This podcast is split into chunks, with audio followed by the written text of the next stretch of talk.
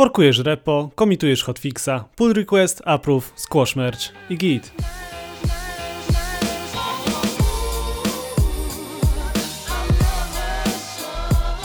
Witajcie w glosariuszu programisty, podcaście, który pomoże Wam odnaleźć się pośród wszystkich wyrażeń ze świata koderów, niezależnie od tego, czy swoją przygodę z programowaniem dopiero zaczynacie, czy macie już trochę doświadczenia.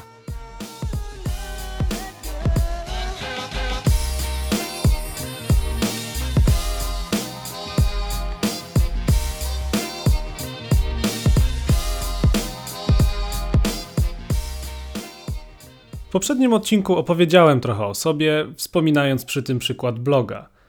Blog albo takie własne portfolio to ogółem bardzo fajny przykład aplikacji do nauki programowania lub testowania różnych rozwiązań. Zawsze sądziłem, że najlepiej uczyć się czy to kodzenia ogółem, czy na przykład danej technologii podczas tworzenia jakiegoś projektu. W blogu właśnie jest pełno obszarów, które łatwo można w cudzysłowie przekombinować. Na przykład możemy dodać możliwość tworzenia własnego konta dla czytelników, by ci mogli komentować wpisy. To znowu tworzy przestrzeń na różnego rodzaju sposoby autoryzacji.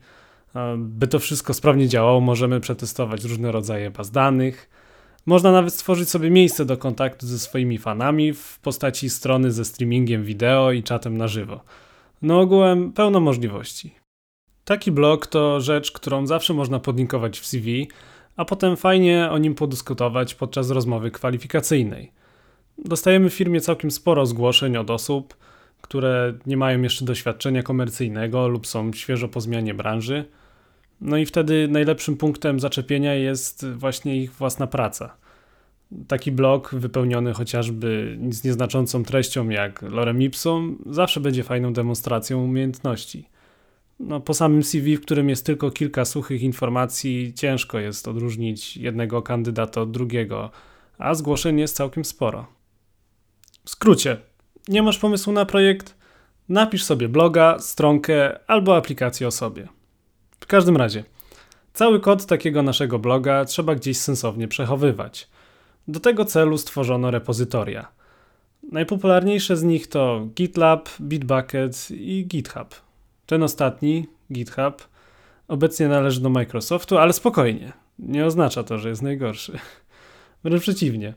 Utarło się, że jeśli chcesz upublicznić swój projekt, czyli uczynić go otwartoźródłowym, no to wrzucasz go właśnie tam.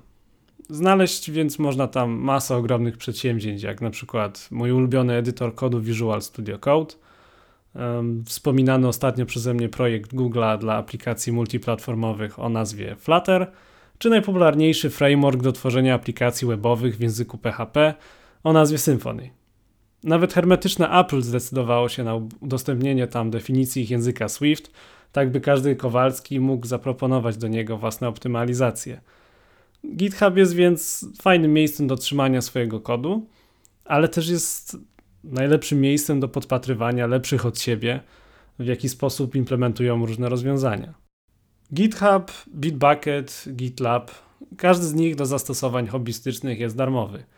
No i jeśli jeszcze studiujesz, to GitHub w dodatku oferuje coś takiego jak e, GitHub Student Developer Pack, w którym to można znaleźć wersję Pro GitHuba oraz pełno innych użytecznych narzędzi. Tak więc ja na repozytoria nie wydałem jeszcze nawet złotówki.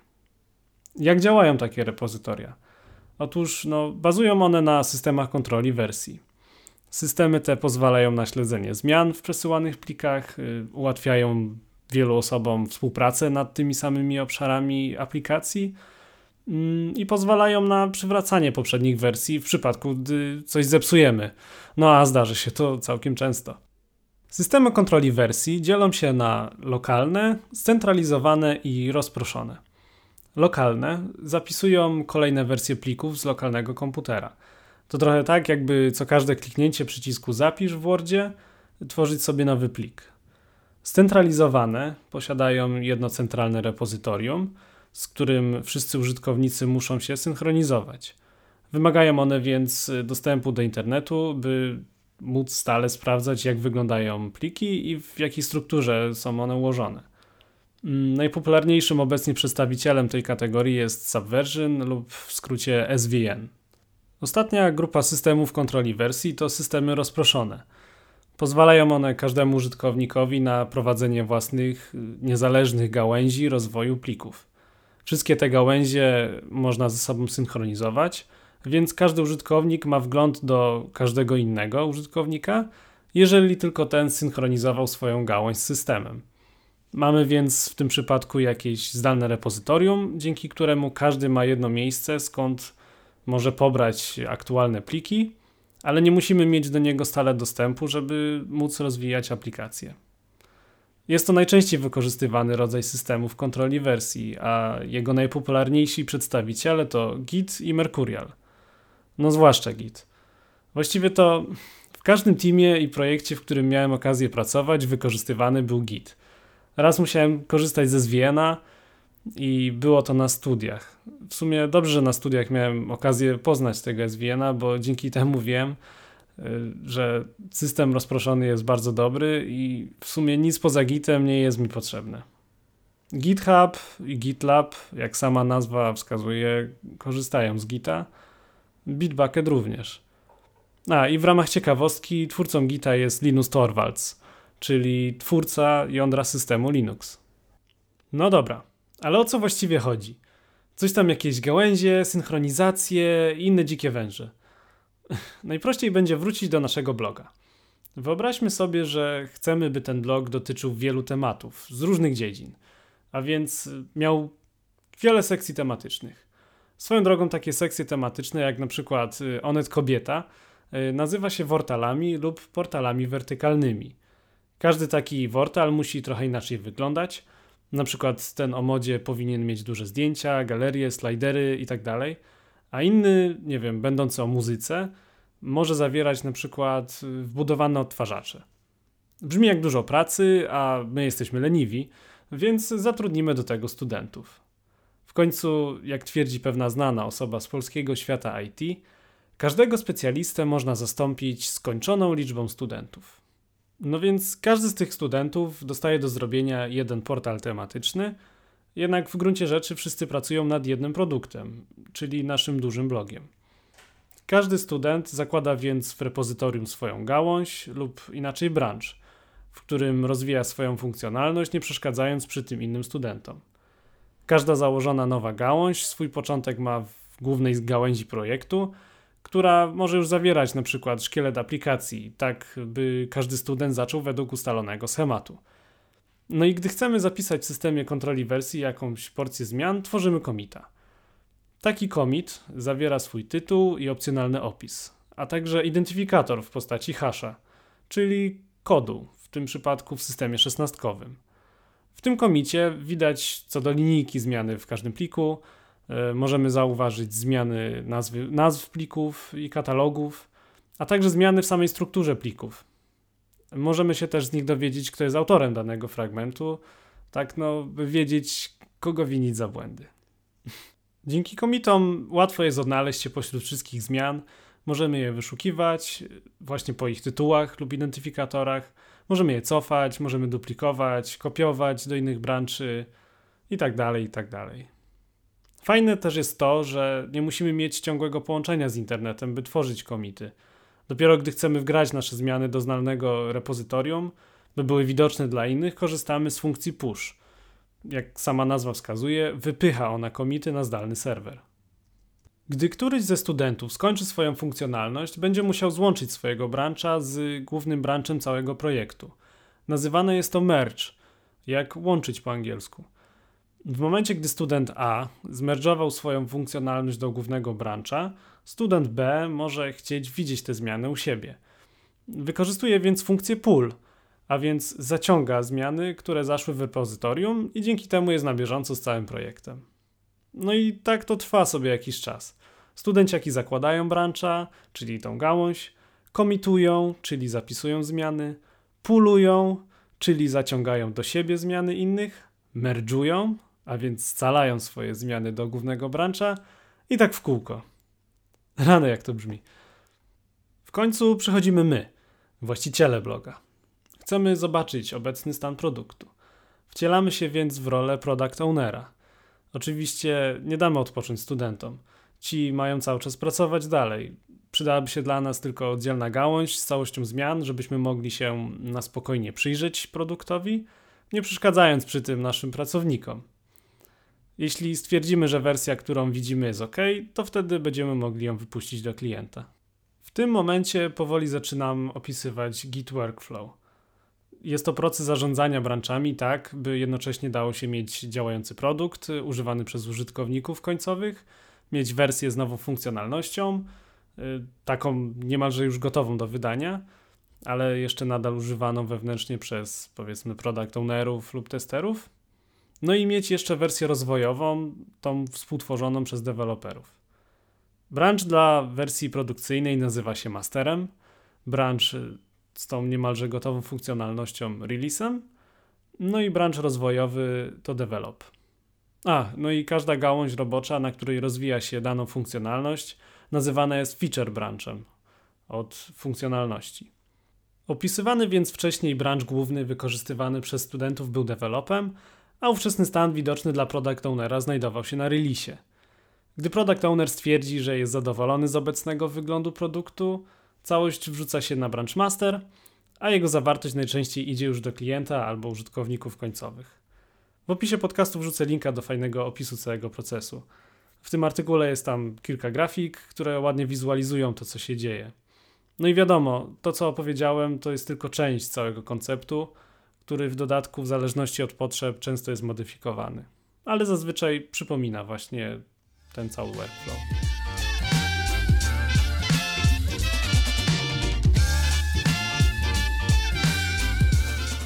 Dużo nazw, wiele procesów do zapamiętania, więc może mała anegdotka na odświeżenie umysłu. Był sobie gość, i w sumie nadal jest, yy, który się nazywa Simon Oxley. Jest on projektantem graficznym pracującym jako freelancer.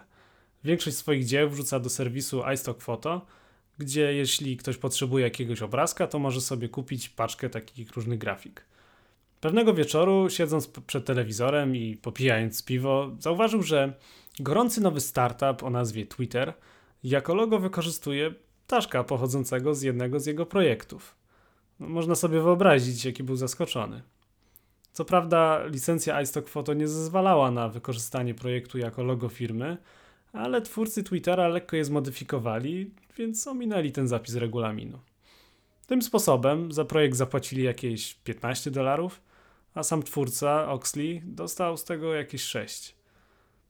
Jego nazwisko na szczęście zdobyło popularność, jednak i tak nie przestał on tworzyć projektów dla iStock Photo. Wykorzystał to GitHub, który wykupił paczkę z używanymi do dzisiaj logo z tak zwanym Octocatem, czyli małą hybrydą kota i ośmiornicy. Podobnie jak Twitter, twórcy GitHuba zapłacili śmieszne pieniądze za coś, co teraz wśród programistów jest bardzo łatwo rozpoznawalnym symbolem. Różnica była jednak taka, że spytali Simona, czy mogą wykorzystać Octocata jako logo. Grafik oczywiście przystał na tę propozycję. W wywiadach twierdzi, że niesamowicie cieszy go fakt trafiania jego twórczości do tak wielu ludzi i to, że ta twórczość zyskuje taką masę różnych adaptacji, na co zresztą zezwala licencja iStocka. Octocata możemy więc zobaczyć w różnych formach, jak tęczowy Nyanket albo Homer Simpson. Od tego czasu Simon miał okazję brać udział w wielu ciekawych projektach na całym świecie, między innymi dla Sony. Mówi się, że jest jednym z najpopularniejszych grafików, o których nikt nie słyszał.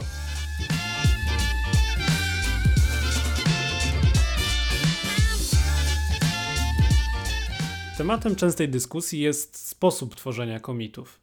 Pojawiają się pytania, jak często je robić, jakie zmiany powinny zawierać, jak je nazywać i jak je opisywać.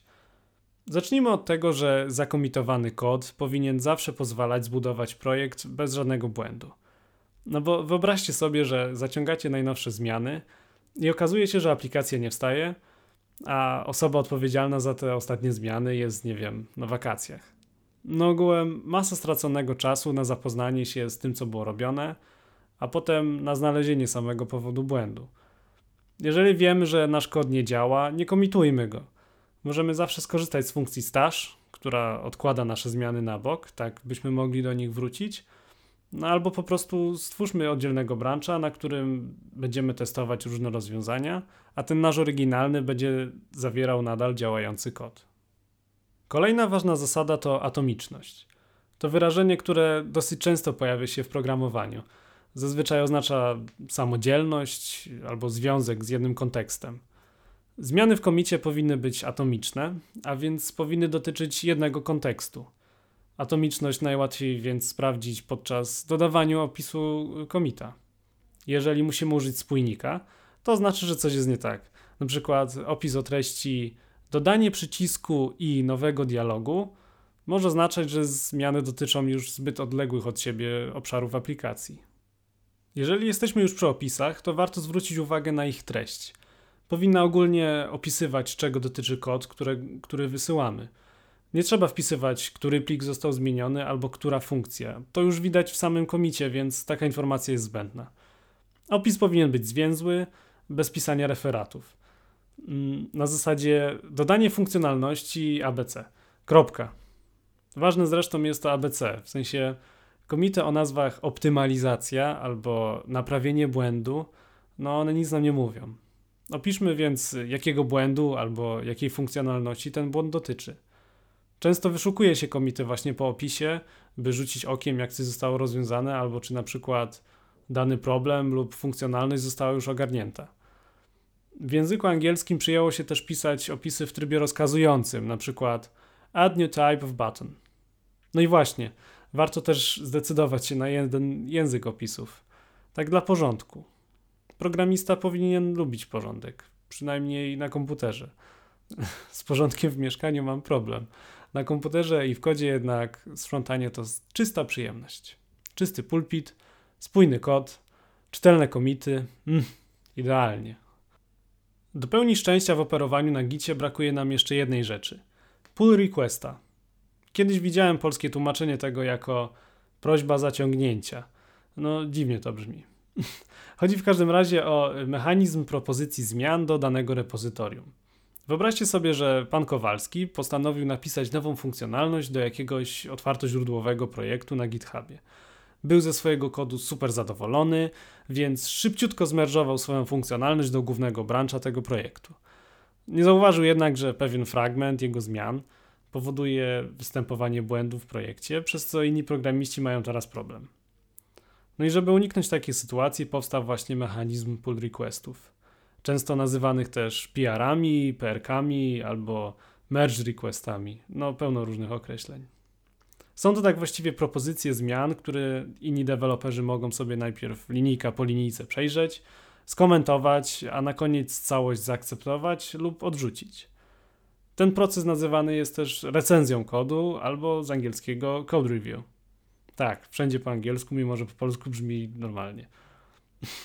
Przy okazji tworzenia pull requestów również powinniśmy pamiętać o ich dokładnym opisaniu.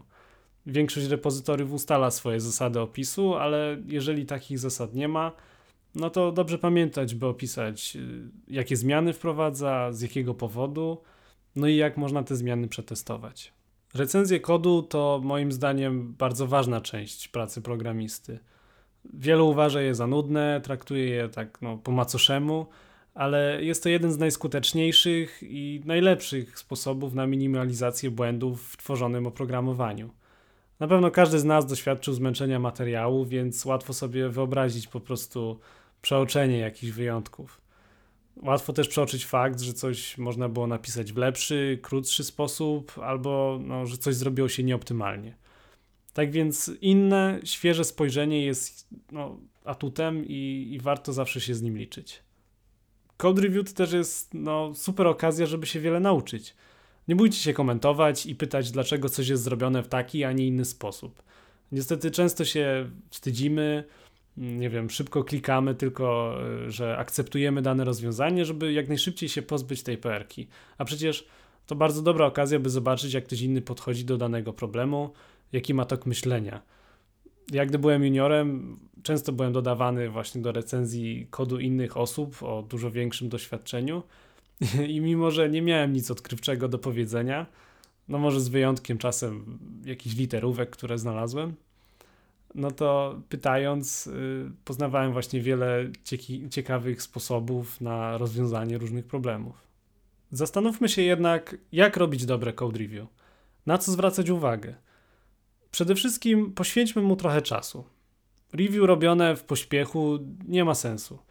Nie ma sensu też szukanie pomyłek na siłę albo walka z innymi programistami o to, kto znajdzie więcej rzeczy do poprawy. Zacznijmy od zastanowienia się nad tym, co w ogóle zostało zrobione. Jaki efekt chciał uzyskać autor pull requesta. Dla ułatwienia możemy też przełączyć się na sprawdzany branch i uruchomić aplikację u siebie na komputerze. Gdy już wiemy, jaki był zamiar autora, możemy zastanowić się, jak sami byśmy podeszli do danego problemu. Jaką byśmy stworzyli strukturę plików, jaką architekturę rozwiązania. Takie ogólne rzeczy. No i jeżeli okaże się, że rozwiązanie z pull requesta pokrywa się z naszym albo jest równie dobre, przechodzimy dalej. Jeżeli jest inaczej, najlepiej spytać, dlaczego przyjęto takie podejście. Czy może nie lepsze byłoby nasze? Ważne jednak, by pamiętać o, o formie tego pytania. Nie, twierdźmy z góry, że dane rozwiązanie jest złe. Y, no, starajmy się tak poznać, jak już mówiłem wcześniej, zamiar autora i jego tok myślenia. Sam autor pull requesta też powinien wiedzieć, że mamy wspólny cel, którym jest dostarczenie danej funkcjonalności, więc nie ma co się obrażać, tylko zastanowić się wspólnie spokojnie nad proponowaną alternatywą. Ok, ogólne podejście do problemu mamy już sprawdzone. Teraz w końcu możemy skupić się na kodzie. Niestety nie ma lepszego rozwiązania niż lecieć linijka po linijce. Możemy jednak podzielić pliki na te najważniejsze, czyli od ogółu do szczegółu. Zacznijmy więc od najważniejszych elementów aplikacji, jak y, konfiguracja, logika itd. Tak A później przejdźmy na przykład do testów czy stylowania. W sumie to zastanówmy się, na jakie rzeczy najlepiej zwracać uwagę. Nie będę się też zagłębiał tutaj w rzeczy dotyczące danych języków. Wiadomo, to już w każdym przypadku wygląda trochę inaczej. Ale są takie wspólne rzeczy, na których najlepiej się skupić.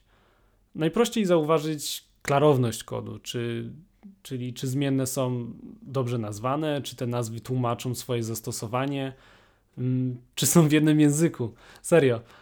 Dlaczego na studiach uczą takiego głupiego nazywania zmiennych jak A, B, C, albo zmienna 1, albo długość, a chwilę później with z angielskiego?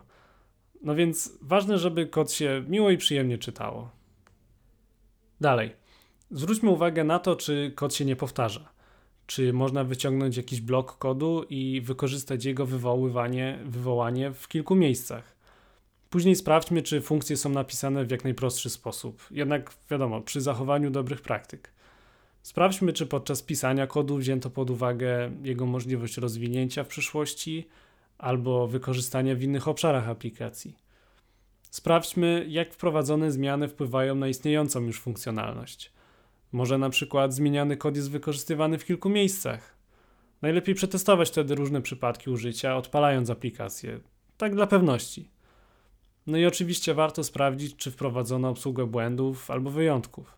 Zależnie od projektów i ustalonych zasad, można też sprawdzać, czy kod jest odpowiednio udokumentowany, czy wszystkie funkcje posiadają napisane testy, albo czy na przykład pousuwano z kodu niepotrzebne wypisywanie różnych rzeczy do konsoli. Na koniec wszystkie uwagi należy odpowiednio zakomunikować. Jak już wcześniej wspominałem, w ładnej formie. Najlepiej podać e, przykład alternatywnego rozwiązania, może jakiś argument za lub przeciw. Ogółem bardzo często spotykam się w recenzjach z komentarzami pokroju dlaczego albo nie podoba mi się to i koniec.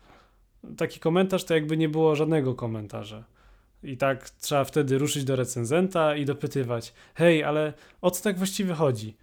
Zamiast no, już w tym czasie być w trakcie wrzucania poprawki. Częsta i klarowna komunikacja jest podstawą dobrej współpracy w zespole. Na koniec jeszcze powiem, że systemy kontroli wersji, jak na przykład Git, obsługuje się z poziomu konsoli. Działa to szybko i sprawnie, no i na pewno warto znać większość komend na pamięć. Czasem jednak wygodniej jest zwizualizować sobie przebieg wszystkich gałęzi rozwoju projektu, zobaczyć różnice w kodzie pomiędzy wszystkimi plikami, albo po prostu w prosty sposób zrobić porządki w repozytorium. Są oczywiście do tego aplikacje i najpopularniejszą z nich jest chyba SourceTree od twórców Bitbucketa, czyli firma Atlassian. Jest darmowy, dostępny na Windowsa i Maca i pozwala na wszystko, co opisałem przed chwilą. Moją ulubioną alternatywą dla SourceTree jest jednak Git Kraken. Do zastosowań komercyjnych jest płatny, ale za to jest dużo ładniejszy. Tak, to też jest ważne. E, ma bardzo fajne podkreślanie składni i kilka innych bajerów, jak na przykład narzędzie do rozwiązywania konfliktów. Co prawda potrafi zająć sporo ramu, ale kto by się tym przejmował? I tak większość z nas ma najczęściej otwarte jakieś 50 kart w Chromie, więc jedna większa apka nam różnicy nie zrobi, co nie? GitKraken jest też częścią GitHub Students Developer Pack, więc można mieć wersję Pro za darmożkę. A, no i jest multiplatformowy, więc odpalicie go na Windowsie, Macu, a nawet Linuxach.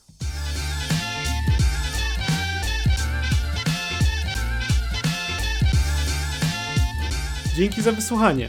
Po pierwszym odcinku dostałem od Was sporo opinii, do których już staram się stosować, ale czekam na kolejne i zachęcam do dyskusji. Znajdziecie mnie na Twitterze lub w sekcji komentarzy na YouTubie. Oczywiście zachęcam do subskrypcji, gdziekolwiek mnie słuchacie. Podcast jest dostępny na YouTubie, Apple Podcast, Google Podcasts, Spotify i kilku innych serwisach do słuchania podcastów. W kolejnym odcinku dowiecie się czym jest deployment, kim lub czym jest Jenkins oraz co znaczy skrót DNS. Do usłyszenia!